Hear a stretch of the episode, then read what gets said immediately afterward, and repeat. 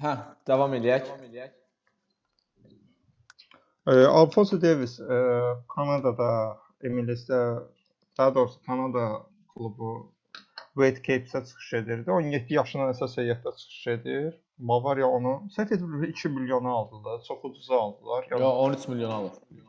13 milyona alıb. Aha. Okay.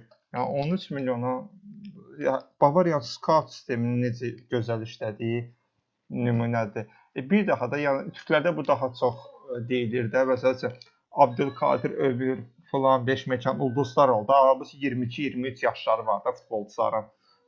Falan klubu izləyir, falan klubu izləyir, nə bilim Real Madrid izləyir, Fənər e, Manchester United izləyir. Elə deyil də. Böyük klublar bütün oyunçuları ya dünyada xəbərləri var. Kim hansı futbolçular var.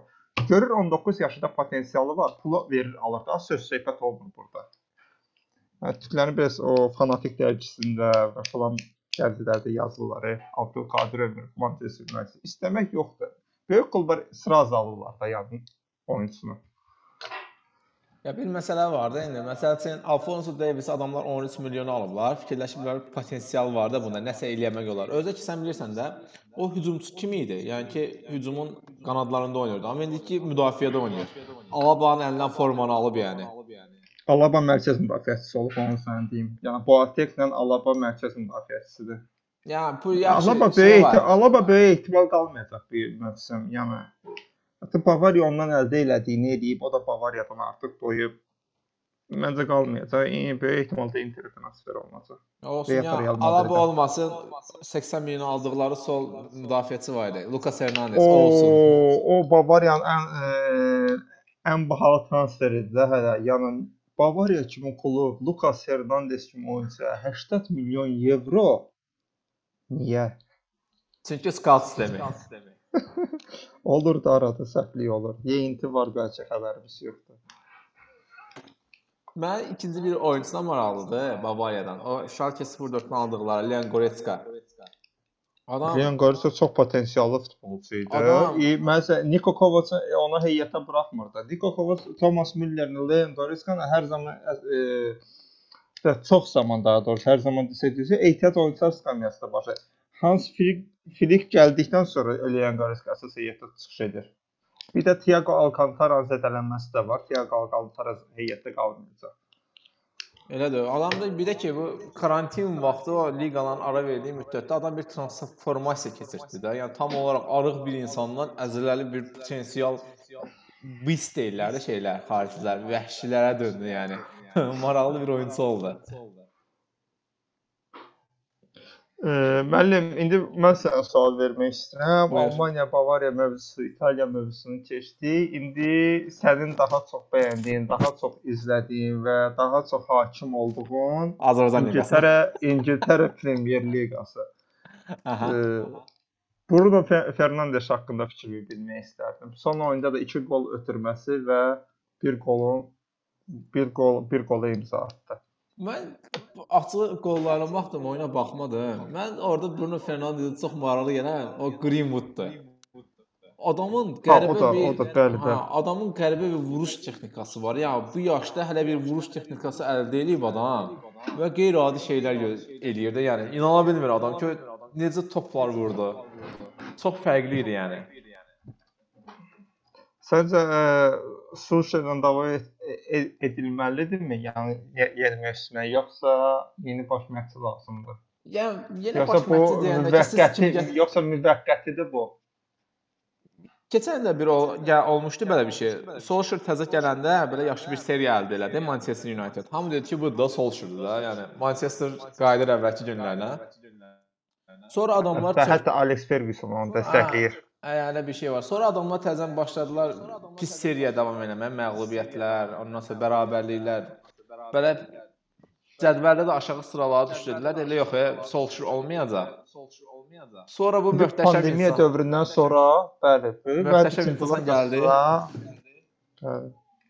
Bruno Mənə Fernandes gəldi dəyişdi komandanı. Mənə e, bilirsən nə maraqlıdır. Yəni e, bilirsən ki, mən seriyanı daha çox istəyirəm də. Yəni məni tanıyanlar bilir ki, Bologna Sassuolo olsun, o tərəfdə olsun Manchester Liverpool, mən Bologna Sassuolo izləyəcəm.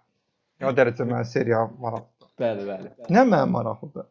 Bruno Fernandezin mən ondan çox oyununu izləmişəm seriyada. Udinese-də çıxış edəndə, Sampdoria'da çıxış edəndə. Yəni bu insan mənim yadımda qalmayıbdı. Ola bilər ki, mən futbola tərsinə baxıram. Mən ki, yəni belə bir məqalə olub ki, Sampdoria'da Bruno Fernandes adlı futbolçular yəni partladı. Ya da Udinese-də partladı. Yəni izləmişəm. Yəni Milanın oyunlarından, Lazio-nun oyunlarını mən oyunçusunu izləmişəm. Yəni mənim üçün yadda qalan bir şey göstərməyib də o futbolçu. Lori dildə desək. Amma adam Sportingə transfer olunur. Oyunu alınır və Manchester transfer olunur. O Ma- Manchesterin yeni Cristiano Ronaldosu. Bu necə ola bilər mən anlaya bilmirəm. Sadəcə sonra e, 25 yaşı var. Yəni adam 23 yaşına kimi bu futbolu göstərə bilmir. Son 2 ildə başlayır bu futbolu göstərməyə. Ya mən təəccüb eləmirəm. Yəni Cristiano Ronaldosu deməsəm, Paul Scholes-u deyərəm məsəl üçün mən onun. Nə bilim, sonra kim var idi orada? Keane olmaz, amma Rakin de Yapaskos da var Fo- daha doğrusu. biraz fərqli tip Necə deyə, oyun qurusu Giggs tipi yo, özünə məxsus oyunu vardı. Ya Manchester deyirə futbolçu inanmıram hal-hazırda. Hadi nəsə, mərkəzi yəni Cristiano Ronaldo deyil. Ya Alex Ferguson dövründə onsuz da yara, şey, e, fantazist də, yəni 10 nömrəli futbolçu yox idi yarım müdafiənin ortasında. Ha, sonra nə ilk 4-4-2 dəfə oynayırdı. Matanı zada aldılar. Matana biraz davam elədilər. Ondan sonra o da tutmadı, qaldı. Ha, qaldı ikinci məsələ ki, sən dedin, e, Manchesterdə 10 nömrə yoxdur. Manchesterdə 7 nömrə var. Ha, yetin əmrə var. Sən dedin oyunçu özünü sonradan göstərir. Mən belə bir şey var, fərziyyəm var. Yəni ki, bir də görsən ki, oyunçunu transfer eləyirsən bir kluba, çox potensiallıdır, həddindən artıq, amma bir şey göstərə bilmir orada.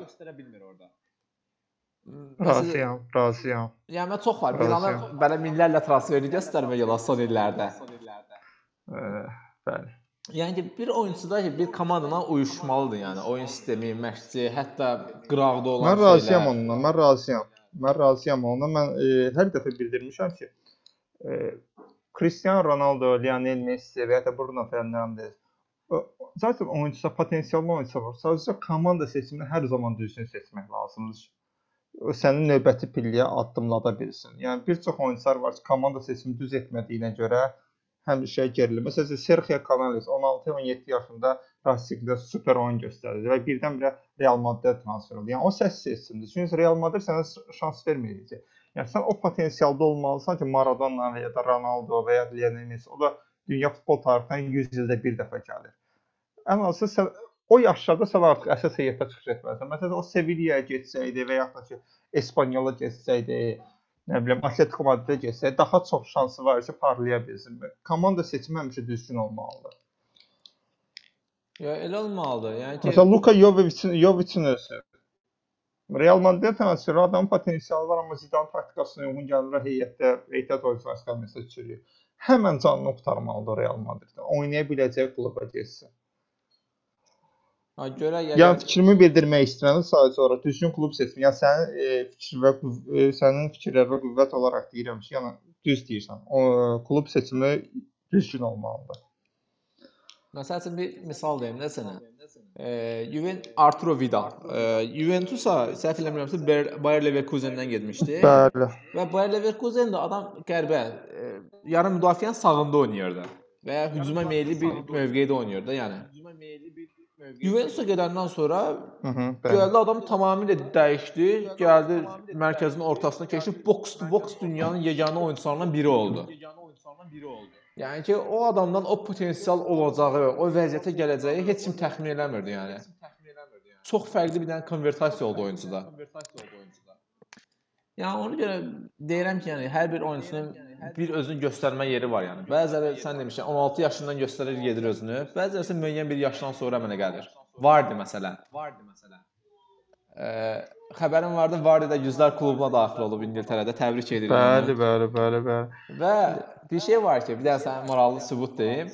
E, Vardy Yüzlər klubuna daxil olan, yəni Premyer Liqada ilk oyunu keçən ən yaşlı oyunçulardan biridir. İkinci oyunçudur hətta. Məsələn, Michael Owen 18 yaşında başlayıb oynamağa, Vardy isə 27 yaşında ilk Premyer Liqa oyununa çıxıb. Ya o yaşlı yüzlər klubuna daxil olan, eləmi? Yəni 27 yaşından sonra Yüzlər klubuna daxil olub. Bunun isə ən yaşlısı Ian Wright-dır. O da 28 yaşında ilk oyununu keçib Premyer Liqada. Onu bilmirdim. Yəni ki, belə deyim də 1992-ci ildə qurulub da Premier Liqa. Ondan hesablanır 100-lər klubu. Ha, Yəni- ondan hesablanır. Hə, Ha. Ian Wright ona görə 92-dən əvvəl də oynayıb təbii ki, nə qədər qol vurub, amma 28 yaşında ilk Premier Liqa oyununa keçib 92-ci ildə, ondan sonra 100 qolu vura, vura bilib adam. İndi e, gəl e, İngiltərə Premyer Liqasını bir həsə qısaltmaq üçün Liverpool Manchester City oyunundan danışaq. Yəni 4-0. Oyuna Manchester baxmısansa City- sən danış. Mən baxmamışam oyuna. Mən də baxmamışam, amma ilk hissədə 3-0 idi. Nəyə görə baxmamışam? Çünki İtaliya seriyada oyun gedir. Onun üçün baxmamışam. Və mən belə izləyirdim arada, ya prosta tam başına axıra qədər baxmadım da. Çünki gözləyirdim belə, yəni Manchester City çox böyük bir hesabla udacaq. Çünki Ya adamlar sanki dərs verəcək kimi oyunu bitiriblər bir hesabı görəndə. Adam belə düşünür ki, "Ha, siz çempion olmusunuz, yaxşı görərsiniz. Yəni mən özə bir çox adamlara baxdım. Sokrates Levcinin bir çox şeyi, onun yazanları və editorları hamısı şeydə Liverpool fanatlarıdır. Caner Elerdən tutmuş. Nə bilim, Onur Ərdəm Arsenallı səhv eləmirəmsə. Orada bir dənə Atakan deyəsən Liverpoolludur. Onlara hamısı sual verdi. Hamı deyirdi ki, yaxda dedi 4-0 əladır, 5 olmayardı super ola. 5 olmamağı çox yaxşı oldu. Deyir, hamı onlar da özlərini qəbul etmişdilər ki, belə bir uduza bilər yəni. Liverpool. Çünki artıq nə deyir, zəfər sərxoşluğu var onlarda, çempionluq sərxoşluğu var. Gəliblər artıq City-nin qabağına, City-dəki canavar da yəni orada. Hmm. Artıq keçək İspaniya La Liqasına. Sənin yaralı yerin. Mən niyə yaralıyorum onları? No, Barcelona keçsin ona görə. Barcelona Bartomeu haqqında fikirlərin və Setien haqqında fikirləri. Dəqiq dinləyəcəm. Mən bildirmək istəyirəm ki, mənim Avropada tutduğum bir klub yoxdur. Yəni bunu bildirim mən. Mən Messi'yi bəyənirəm. Yəni Messi hansı kluba getsə, mən onu dəstəkləyərəm. Yəni o klubun oyunlarına baxaram. Real'a getsə Real'a da baxaram yəni. Məsələn Juventus'a getsin Juventus'a da baxaram. Yəni böyük bir zövqlə. Yəni amma Messi gedəndən sonra məsələn mən bir daha Barcelona oyununa da baxmaram. Mən yəni oyunçu şey, aspektindən yanaşıram komandaya, ya da məşqçi aspektindən yanaşıram.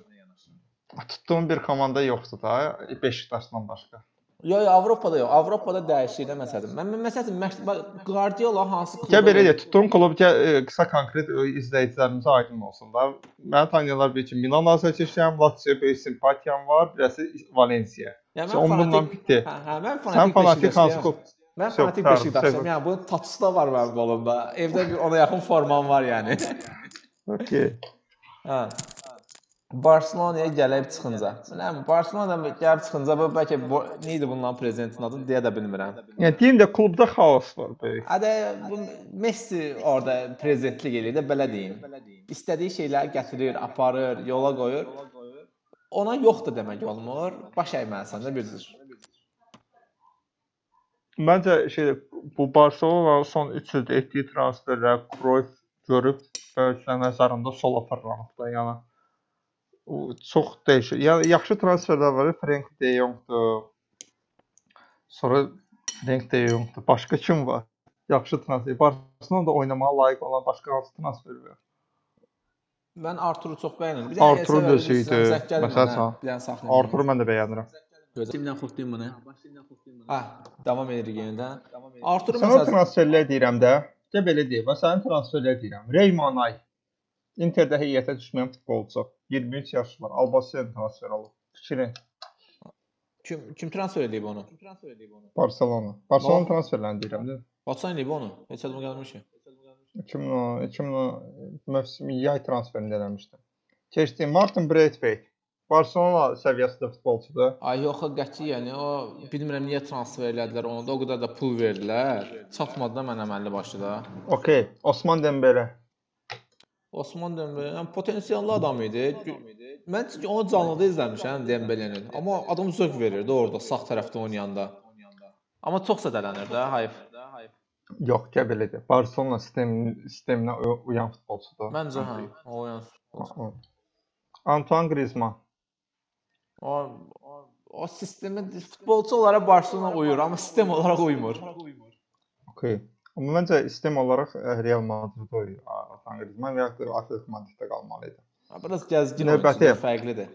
Arturo Vidal. 32 yaşında transfer eləyirsən. Niyə? Niyə deyirsən Vidal? Vidal, bilmirəm, yəni Vidal məncə dünyada hər komandaya ehtiyacı ola biləcək bir oyunçudur. Hansı komandaya qoysan oynayar o.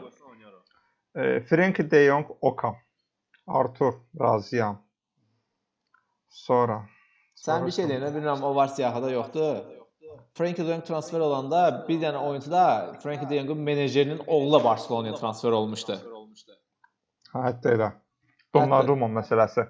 Ha, eynən. Sonra həmin oyunçunu Türkiyədə Gənclər birinə icarəyə verdilər. İndiki Gənclər Birliyində De Jong alında futbolçu oynayır. De Jong deyil. De Jong'un menecerinin oğludur. Bir dənə qəribə adı vardı, Hollandiyalı futbolçu idi. Halal olsun. Deməli təkcə bizdə yəni Aca Milanda belə şeylər olub yəqin keçmişdə, amma Avropada bu nə edirsən?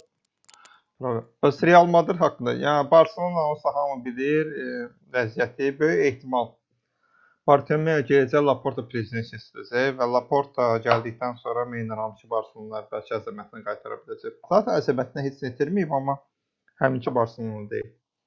Bilsən necə? Real Madrid haqqında fikir ver. Məsələ o deyil. Yəni Barselona gəl belə yekunlaşdırmaya. Barselona da idarə edəcən belə məsələn şayələr var ki, Barselona məşqçisinə kimi Messi seçir. Hətta transfer elədiyi oyunçulara Messi qərar verir. Hə, yox, bu olsun, olmasın və ya gedir deyir ki, bu oyunçunu mən istəyirəm.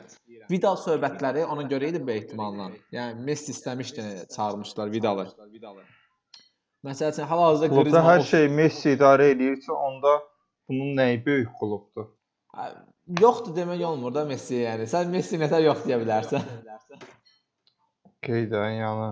Yəni Laporte da lap gəlsə, əgər Messi-nin qarşısını Messi ala Messi biləcəksə, deyilmir yox. Messi yox deyilmir, amma Messi ilə Messini bu dərəcəyə çatdırmaqda klub rəhbərinin zəifçiliyidir. təbii, razı. dövründə belə yəni bu deyilə tərəzinin hər iki gözü eyni səviyyədə olmalıdır da. Amma burada artıq klubda hər şeydə Messi üzrə keçirsə, o maaşları da Messi transferdə Messi qərar verirsə, məncə bu klub bundan da betər olsa daha yaxşıdır. Yəni razıyam. Yəni belə şeylər var Barselonada. Keçən Real Heç Madrid bir oyunçu, heç bir oyunçu klubdan böyük deyil. Oyunçular gəldi, gedərdi, klub qalandı. Mən bu ideyanın tərəfdarıyam hər zaman. Yox, mən də razıyam. Amma məsələn Messi hal-hazırda performans verə bilirdi, yəni Barselona yox deyə bilmir adama. Amma bunun effektləri var. Messi variantı. olmayacaq. Bax, bunun B variantı da var, deyəsə ver. Yəni ki, sən oyunçuya deyək ki, Bradford də Messi okey verib onda. Böyük ehtimalla həll olar da yəni. Başqa variant yoxdur ki. 19-cu yerdə gedən Leganes'in oyunçusunu almısan. Yəni ki, Barselona deyir ki, Messi-dir ki, qarşı yoxdur, istəmirik. Sən çıx get klubdan, biz özümüz idarə edəcəyik ancaq. Bu Barselonanın böyük bir düşüşdür. Yəni ki, burada ancaq Messi-nin oyunçu olaraq onlara verdiyi dəyər deyil. Burada sponsorların da əllərindən çıxacaqlar. Böyük məbləğlər ətrəcək Barselona əgər Messi getsə. Yəni o məsələlər var. Nəsə, keçən Real Madrid-ə biraz yaxşı şeylərdən danışaq. Hə, yaxşı. Real Madrid qayıdır, deyəsən bu il çempion olacaq böyük ehtimalla. Real Ramos müəllim deyəcəksiniz bundan artıq. Və mən Ramosu çox bəyənirəm, həqiqətən. Kim Mən də bəyənməsin? bəyənirəm. Mən bəyənirəm. Çox- İyrənc futbolçudur. Amma gedən nəticə üçün hər şey okey. Yəni, Yəni mən onun tərəfdarıyam. Mən Materazzi kəllə vurub Zidana. Nəticə üçün hər şey okey, problem deyil. o winner oyunçular var, ya, həmişə udanlar. Ya düz həmişə Hə. udmasa da adam yəni özünü ona kökləyir də, udmaq üçün hər şey eləyir də bu adam. Bəli, razıyam. Ona görə çox hörmət edirəm məsəl üçün. Belə məsəl üçün bir Barselona, əgər mən Barselona olsaydım, məsələn Ramos istəyərdim ki, mənim komandamda oynasın. Mən də istəyirəm Ramos. Ramos liderdir. Yəni mən Barselona deyirəm. Adam lider ruhludur. Ya mən Ramosun e, ilk transferini nə vaxt eşitmişdim də e, 2005-ci ildə Futbol Plus qəzeti var ki, e, Real Madrid e, Ramosu aldı. özü Ramos kiminlə da dənə oyunçu almışdı. Eyni klubdan. Braziliyalı. Sevilla'dan Aha. Bap, e, Baptista. Ha, Baptistan almışdı. Məncə Baptistan sonradan almışlar. E, e, Ramosu nəyə görə almışlar? Ramos haqqında müdafiəçidir. E, Sevilla e, Real Madrid oyununda hə, transfer olmamışsa bir mövsümdə e, Ramos at oynatmışdı da konkret. Yəni qələbədə ya sağ cinah müdafiəçisi qələbədə əs qələbənin əsas səbəbkarı olur. Gələn kimi də əsas heyət 19 yaşında əsas heyətdə çıxış edir. Artıq neçə ildir? Əsas heyətdə çıxış uzun edir. saçlı baby face bir dənə uşaq idi Ramos. Bəli, adam bildi ki, e, yaşının ortalarında bildi ki, sağ cinahda olaraq əfsanəlik qazana bilməz. Ona görə mərkəzə keçdi. Onu da qeyd edim. Elədir, amma səhv eləmirəmsə 2008 Avropa çempionatında hələ də sağ cinah oynayırdı. 2010 dünya çempionatında sağ cinah Yox, oynayırdı. onda idi hə. Çünki orada təzədən 2010-da atmışlar da onu oynayır. şeyə, hə, sağ cinah atdılar. Orada da xeyli O zaten performans sağ verdi. cinah müdafiəçisi idi. O karyerasını sağ cinah müdafiəçisi başlayıb onsuz da. Bir dənə üzr istəyirəm, bir dənə zəng gəlir mənə. Hə, Ramosdan söhbət edirdik.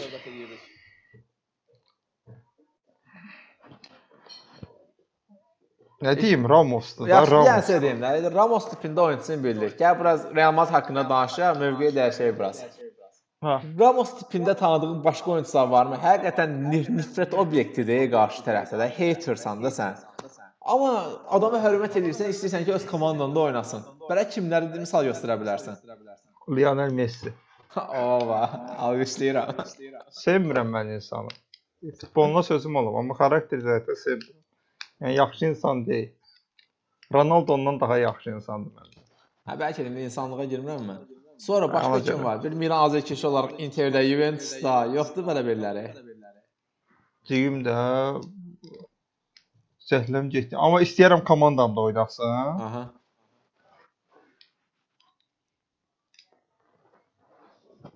Ki, məsəl yox, istəmirəm onu. Məsələn, Kelini də zəhləm gedir, istəmirəm onu komandamda oynasın. Bonucci də zəhləm gedir, istəmirəm komandamda oynasın. Düzdür, oynayıb amma zərər yoxdur. Oynayıb amma Məsələn, mən özümdən misal deyim də məsələn.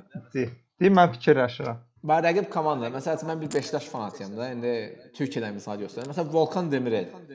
Günahım qədər sevmərəm də adamı da, amma çox istərdim ki, məsələn gəlsin Beşiktaşda oynasın o.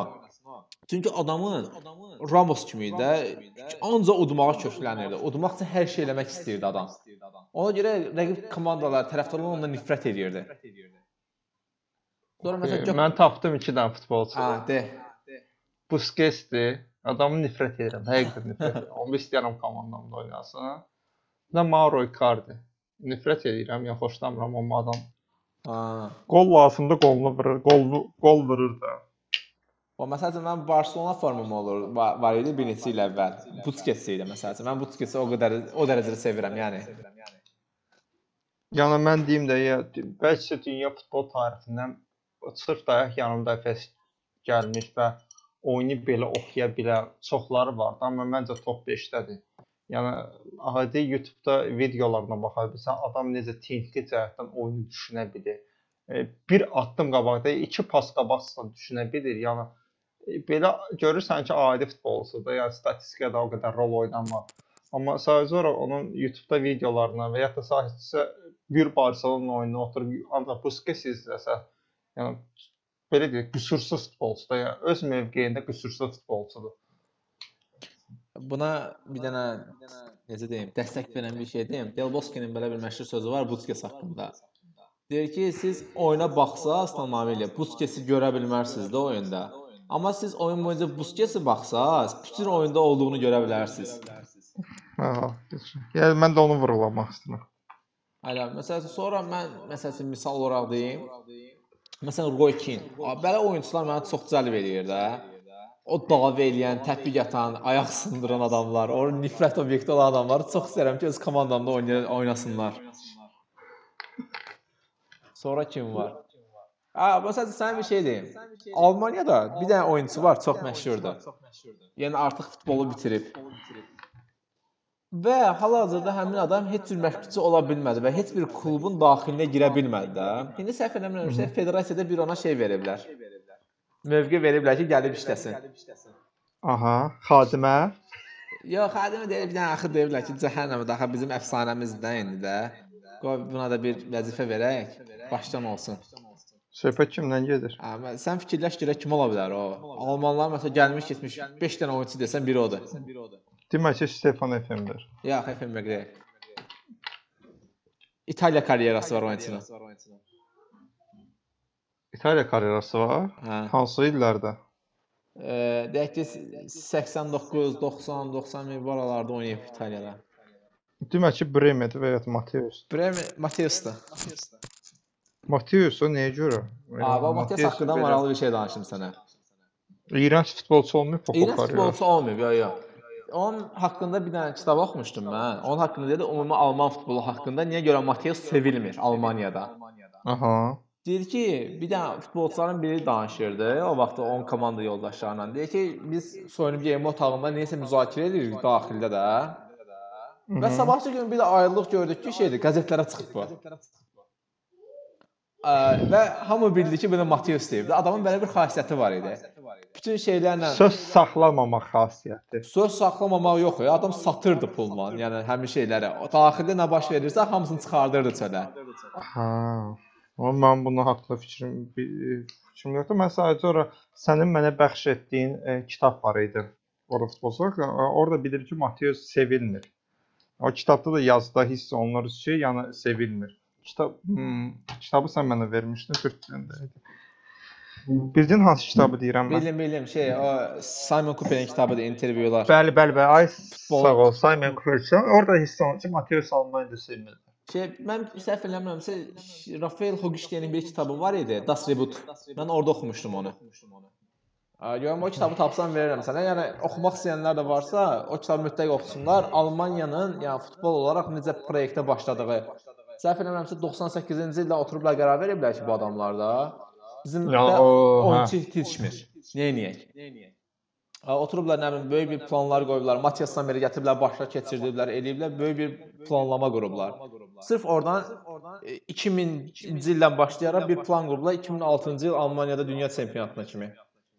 E, mən bir şey qeyd edim. də Orada planlaşma, şey 2004-də də e, vəziyyət pis idi də. Yəni qrupda axırıncı yer tuturlar Latviya ilə. Latviya ilə bir qrupda olanda. Planlaşma nə idi? Almaniyalılar mühafizəkar idilər ki, yəni e, Almaniyada köçkünlər daha çoxdur, türklər daha çoxdur, Afrikadan gələnlər, yəni immiqrantlar daha çoxdur.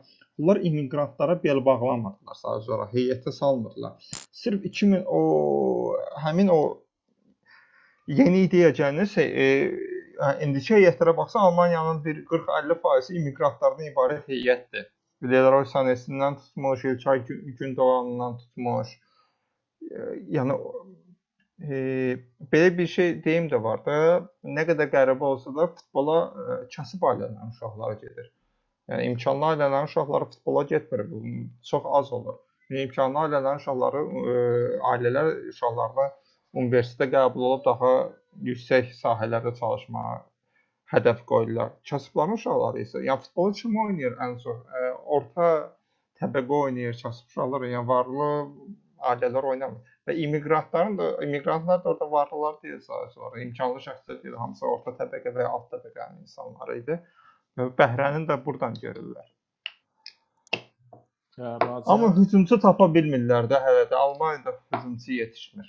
Bu problem həll oluna bilmir hələ də. Ha, həqiqətən sonuncu hətta sonuncu idi? 2020-də idi. 2018-də olanda nə bilim 4-6-0 kimi qəribə bir şeylə oynayırdılar. Yoxsa nə bilim Wernerlə Zadla qəribə bir şey, taktik qurmuşlar, oynamağa çalışdılar, amma alınmamışdı o qədər. İndi səhv eləmirəmsə şeydə var bir dənə. Werder Bremen-də bir dənə türk var. Çox inanılmaz şey var, potensialı var. Juventus hətta bu yaxınlarda eşitmişdim ki, onunla maraqlanır. Ona çox ümid bəsləyirlər. Görən nə olacaq sonda. Kim? Dirk Werder Bremen-də əsas heyətdə mən Yox, o Bremen- 18-lərdə oynayırsa, o 19-larda oynayırsa. Ömər Dirkçi, Dirkçi deyilən bir familiyası var idi. Ya Juventus hətta istəyirdi, xeyli pul verirdi ona. Amma maraqlanır. Yaxşı, Elsəvər, mən düşünürəm ki, artıq uje 43 dəqiqədə rekord eləyirik. Məncə bu qədər kifayətdir. Bəs sənin sonuncu izlədiyin qol artıq e, belə bağlayaq da. A, mənim izlədiyim sonuncu qolla bağlayaq. Şey, mən şey Greenwood'un qolunu izləmişdim bu gün. Aha, inanılmaz qol idi. O ikinci vurdu qol özdə. Dəhşət.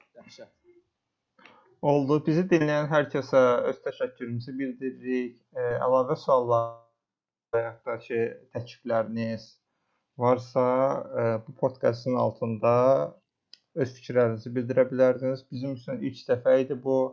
Yəni Malik üçün, mənim üçün birinci dəfə idi ki, podkastda iştirak edirdik.